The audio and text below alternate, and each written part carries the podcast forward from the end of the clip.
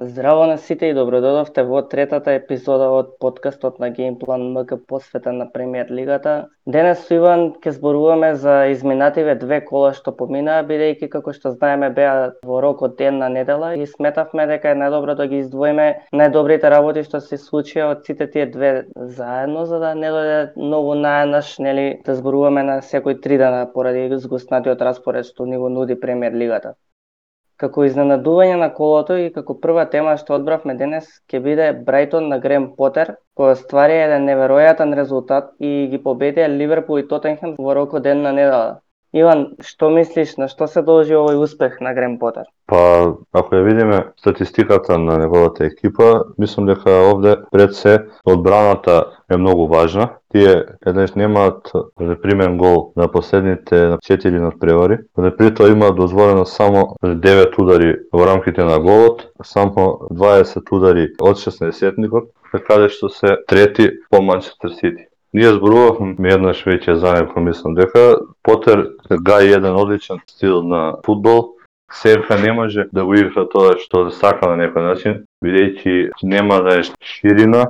Тари Кламти, кој што беше многу важен играч за нив, е веќе месец дена е надвор од најстимот заради повреда, па на негово место игра Фелтман, кој што е пред се одбранбен играч, па верувам дека и на тоа се должат овие добри дефанзивни статистики.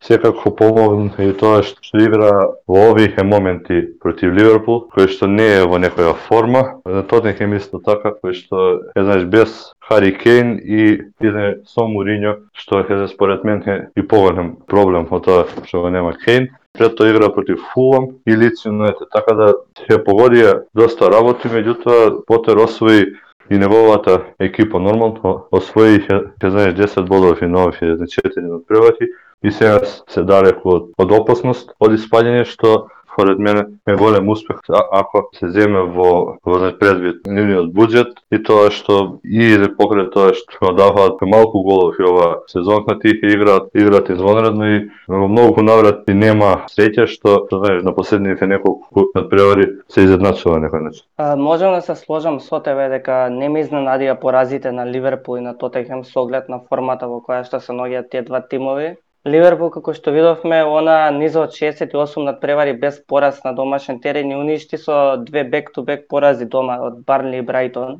Конкретно за тој надпревар, искрено очекував Брайтон дека може да има шанси. Со оглед на првиот надпревар кога ако се сеќаваш ги гледавме на почетокот на сезоната Брайтон и кога свативме дека Потер стварно направи одлична работа во времето на припремите и во времето што го помина на Брайтон. И затоа мислам дека ова дојде како еден вид на реванш на Брайтон според тоа што се случи во тој надпревар. Со Ливерпул баш добро се сеќавам на тој надпревар.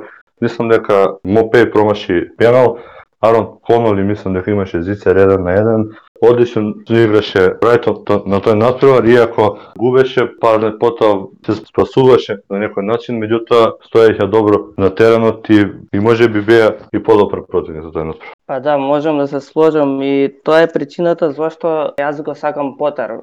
Тој е еден стварно одличен менеджер, то практикува свој систем на фудбал позициски и овие победи се должат на тоа што Брайтон во минативе надпревари често страдаше од индивидуални квалитети, поточно не квалитети на фудбалерите кои ги поседува Потер. Најчесто нели во индивидуални грешки во одбраната, во индивидуални грешки во финиширањето што Мопеј исто така повторно сгреши и на овие два надпревари. Мислам дека со Ливерпул имаше подобра шанса кога промаши еден зицар. Против Тотенхем има најмалку 7-8 шанси, можеше да биде комотно 5 гола може да дадат. Тогаш има празен гол, мислам дека беше Мекалистер, така да буквално ги надигра и двата големи противници.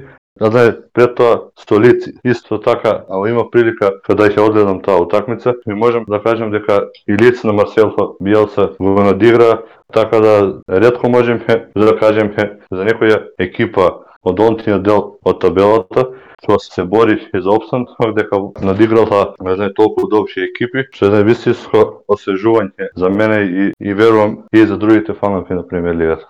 Од Брайтон ја би го извел Безума како еден од клучните луѓе во тимот што допринесува за овие прекрасни резултати, бидејќи на двата надпревари тој покаже на одлична игра, посебно со Тотенхем, кога на еден начин ја контролираше целата игра, како што тоа беше Жоргиньо во системот на Сари, слично е Безума. Тука тој само што има малце подефанзивни задачи, и одлично се вклопува во нив. Значи гледаме како успева цело време да освои топката, да ја организира и го покрива секој дел од теренот без проблем и тоа допринесе Брайтон да го отстварат мислам овој резултат. Видовме на преварот со Тотехем дека оној мен ориентат пресинг на Мориньо повторно беше пробиен, односно пресинг човек на човек, како што може да го наречеме ќе го споиме подоцна со Челзи, дека на истиот начин и Челзи го пробија, меѓутоа ајде да одиме со Брайтон. Те играа со 3-4-2-1 формација против истиот таа 3-4-2-1 формација на Тотенхем во кога се без топка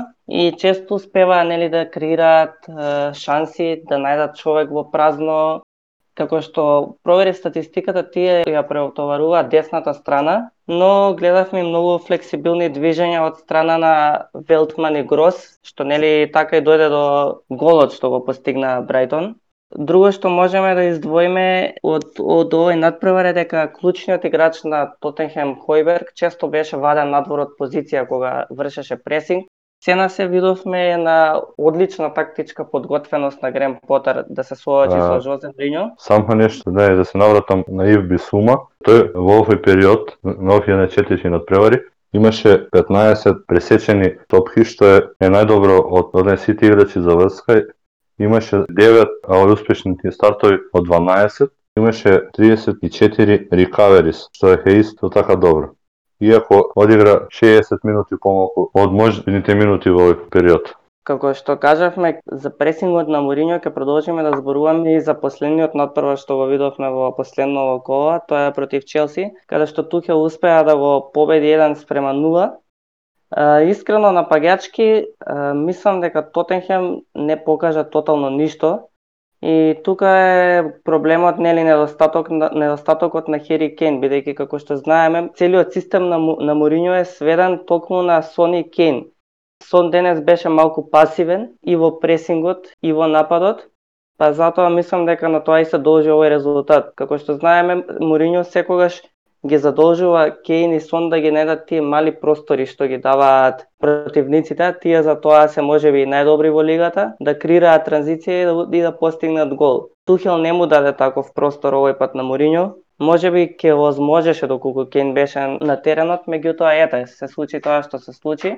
Челси доби уште еден надпревар, Тухел е без пораз три надпревари, без примен гол три надпревари, одличен е дефанзивно. Е сега за оној пресинг што го зборував, јас сметам дека Мориньо направи грешка со тоа што вршеше мен ориентат пресинг врз Ковачич и Жоргиньо. Тие беа поставени како дупли пивот назад на теренот. Тој го задолжуваше Бергвин да го маркира Ковачич и со тоа цело време Бергвин оставаше номеричка супериорност во средината на теренот каде што Маунт ги добиваше таа топка Е, сега Маунт не е баш добар во она така наречена final ball, меѓутоа ете, па одигра добар надпревар, успеа да искрира три шанси, видовме дека вршеше одличен пресинг во предната линија на стоперите на Тотенхем, Така да не можеме да најдеме замерки една голема, една голема шанса имаше купно три креирани шанси. Да, вкупно три, знаете, ја Иван сме големи критичари на Мейсон Маунт, меѓутоа еве ја денес не можем да му најдам некоја голема замерка бидејќи мислам дека играше на нивото. Сега доколку беше кај Хаварц, можеби немаше да биде Мейсон Мау стартер, меѓутоа морам да го пофалам дека да игра добар надпревар. И веројатно немаше да заврши 1-0, туку барем 2-0. И тука исто така можам да се сложам. Како што кажав, доколку Мориньо се задржаше на зонски пресинг,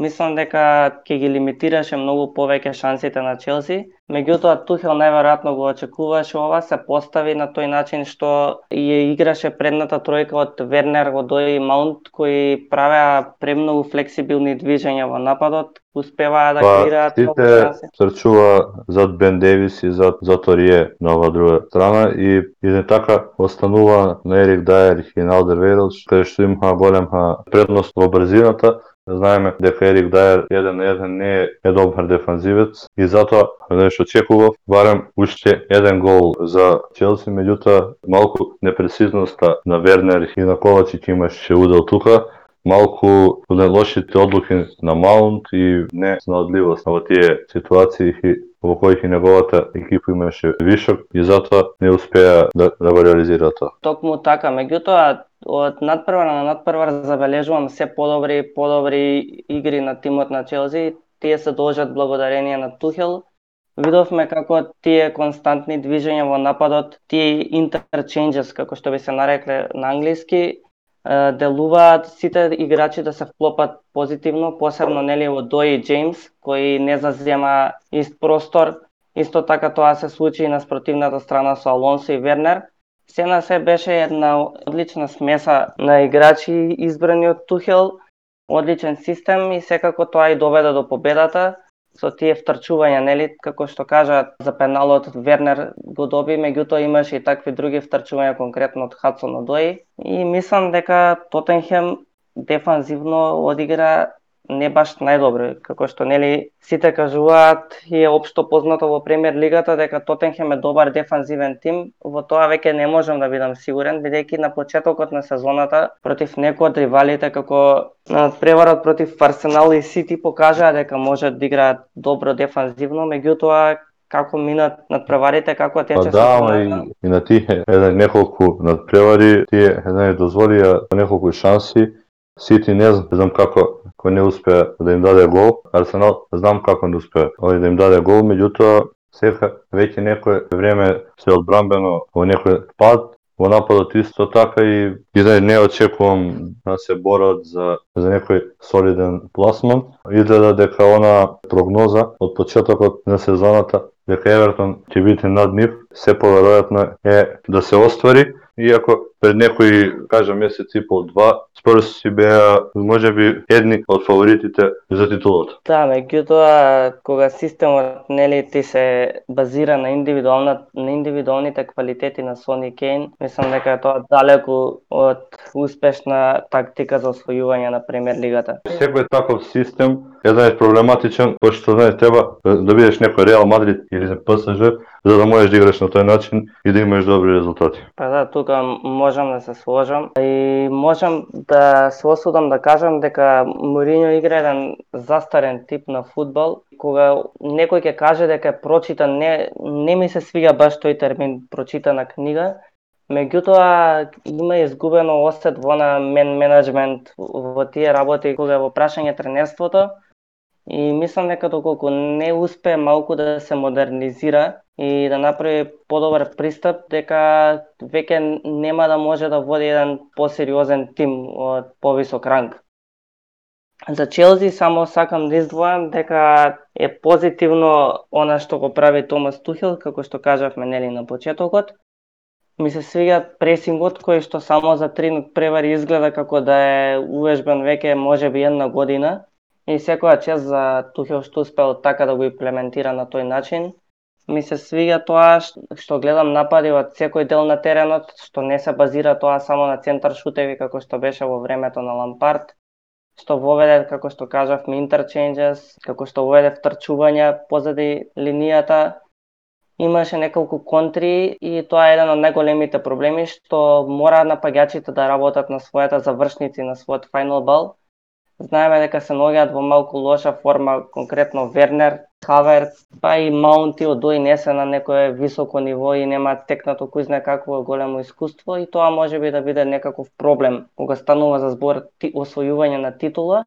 Меѓутоа, од оваа гледна точка, Тухел прави одлична работа и се надевам дека ќе продолжи да игра на овој начин. Па да, Вернер имаше 4 удати на овој натпревар, сите беа од противничкиот 16-тник и успеа да промаши една голема шанса. Така да добро е тоа што што доаѓањето на Томас Тухел Вернер повторно доаѓа во во позиции од кои може да дава голови но се уште неговата форма е лоша и но доколку продолжи вака неговата екипа, мислам дека и тој ќе успе да го надмине тоа. Добро, Иван, додиме со последната тема за денес, а тоа е фантази премиер лигата. Како што знаеме, февруари ќе биде месец полн со надпревари, па видовме и дека официјално фантази премиер лигата ги потврдија дуплите кола во 24-то коло, каде што дупло коло ќе имаат Барнли, Фулам, Евертон и Сити, и во 25-то, каде што дупло коло ќе имаат Саутемптон и Лиц. првен да видиме за иднината за овој месец. Што мислиш кои би биле најдобри опции да се земат барем за сега од било кој дел од теренот, било која позиција? Ова прво дуплото коло, од 24-тото коло, Банли има па добар распоред, ама освен во тоа коло, Банли има па добар распоред и во ова коло што доаѓа и во 25-тото коло, па иако најдефанзивната статистика на Банли не е добра на последните 4 надпревари, тие во тој период игра со Ливерпул, Астон Вила, Челси и Манчестер Сити, така да во некој рака тоа е очекувано, па мислам дека сега во промената на распоредот и со овој дуплото коло, во 24-тото коло, мислам дека дека одлични опции се одбранбените играчи на Банли, пред се нормално Ник Поп. Освен тоа, Сити знаеме дека игра со Евертон и со Тоттенхем во 24-тото коло, па иако има незгодни надпревари со Ливерпул, со Тоттенхем, со Евертон и Арсенал, се очекува и 26-тото и 27-тото коло да бидат дупли за Манчестер Сити, така да мислам дека одбраната е овде клучна, иако Илка и Гундоган, Терлинг, Марес се добри опции исто така, И иако очекувам ротација, мислам дека сите тие е добри опции. Евертон пред се би го ставил Доминик Калверт Луин. Се знае која е добра опција од, од Евертон, нели? Калверт Луин. Па да, иако иако не сега не е, е во некоја форма да се уште, едноставно не можам да видам некоја една подобра опција од него во Евертон, но може би одбраната, меѓутоа па таа е во лоша форма, освен Лука Дин, да, кој може по полека нели се враќа во форма. Корнер, некој некој некој фаул да изведе, ама сепак играат со Манчестер Сити нагости во тоа колхо, така да тоа е дома со Манчестер Сити, ама ама знае, сепак не очекувам бодови за одбраната на Евертон. И уште нели по 25-тото коло играат Саутемптон и Лиц, тука мислам дека на Лиц е знаеш фаворит на тој натпревар меѓутоа со оглед на тоа што Саутемптон најверојатно ќе има да дупло коло и потоа 26-то, а најверојатно и 27-то ќе играат против Манчестер Сити, така да јас тука попрво би ставил играчи од нив отколку од лиц. Добро, од, од лиц, буквално секој играч може да биде закана, бидејќи како што гледаме, сите играчи имаат улоги во тимот, си игра и таму флексибилен фудбал, слично на Брайтон и нели најдобра опција секако станува Бамфорд бидејќи тој има најмногу учество во сите голови. Па, Бамфорд, што... Далас и Рафинес се веројатно најдобри опции, меѓутоа не тие не сигурно немаат овде дупло со 26 коло, каде што повеќето играчи ќе имаат односно повеќето тимови, па така на тука играм најмногу на да кажам квантитет на превари отколку на, на квалитет бидејќи не сепак Данингс на пример во, во или надпревари потоа најверојатно ќе донесе повеќе бодови отколку отколку Бамфорд во два.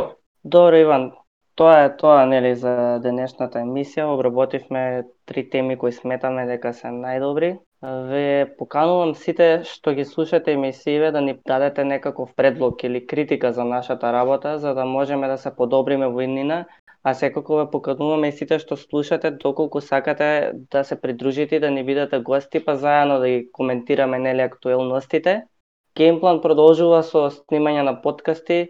Наскоро ќе излезе нашиот подкаст за НФЛ, Се надеваме дека се ова што правиме има некакво значење за оние што не следат и се едуцираат, сакаат да слушаат и се забавуваат со сите оние информации и податоци кои ги кажуваме. Тоа е тоа за денес.